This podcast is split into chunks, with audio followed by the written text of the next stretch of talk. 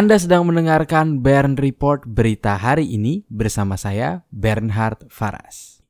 Berita ekonomi dan bisnis. Berita pertama, pertumbuhan ekonomi Papua 2019 tercatat minus 15,72 persen. Pertumbuhan ekonomi di Papua sepanjang 2019 mengalami penurunan sebesar minus 15,72 persen.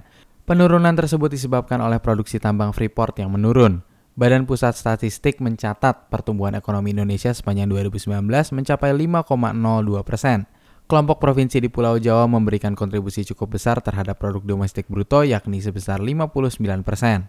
Jumlah tersebut diikuti oleh kelompok provinsi lain di Pulau Sumatera, Kalimantan, dan Sulawesi.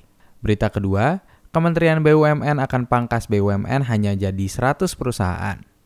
Kementerian Badan Usaha Milik Negara atau yang biasa disebut BUMN tengah mengkaji untuk memangkas jumlah perusahaan milik negara menjadi hanya 100 perusahaan. Hal ini bertujuan agar kinerja BUMN lebih efektif dan efisien. Selain itu, Kementerian BUMN juga mengevaluasi bisnis inti BUMN. Pasalnya, beberapa BUMN memiliki lini bisnis yang tidak sesuai dengan inti bisnisnya.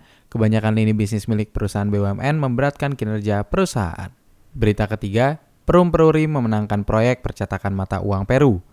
Perusahaan Umum Percetakan Uang Republik Indonesia atau yang biasa disebut Perum Peruri memenangkan tender proyek percetakan mata uang Soles milik Peru. Proyek tersebut memiliki nilai sebesar 260 miliar rupiah. Proses tender sudah dilakukan sejak dua bulan yang lalu dan saat proses tender, Perum Peruri bersaing dengan beberapa negara seperti Jerman, Prancis, Inggris, Rusia, dan Polandia. Untuk teks dan sumber berita selengkapnya dapat Anda lihat di website www.bernhardfaras.com. Terima kasih sudah mendengarkan Bern Report berita hari ini.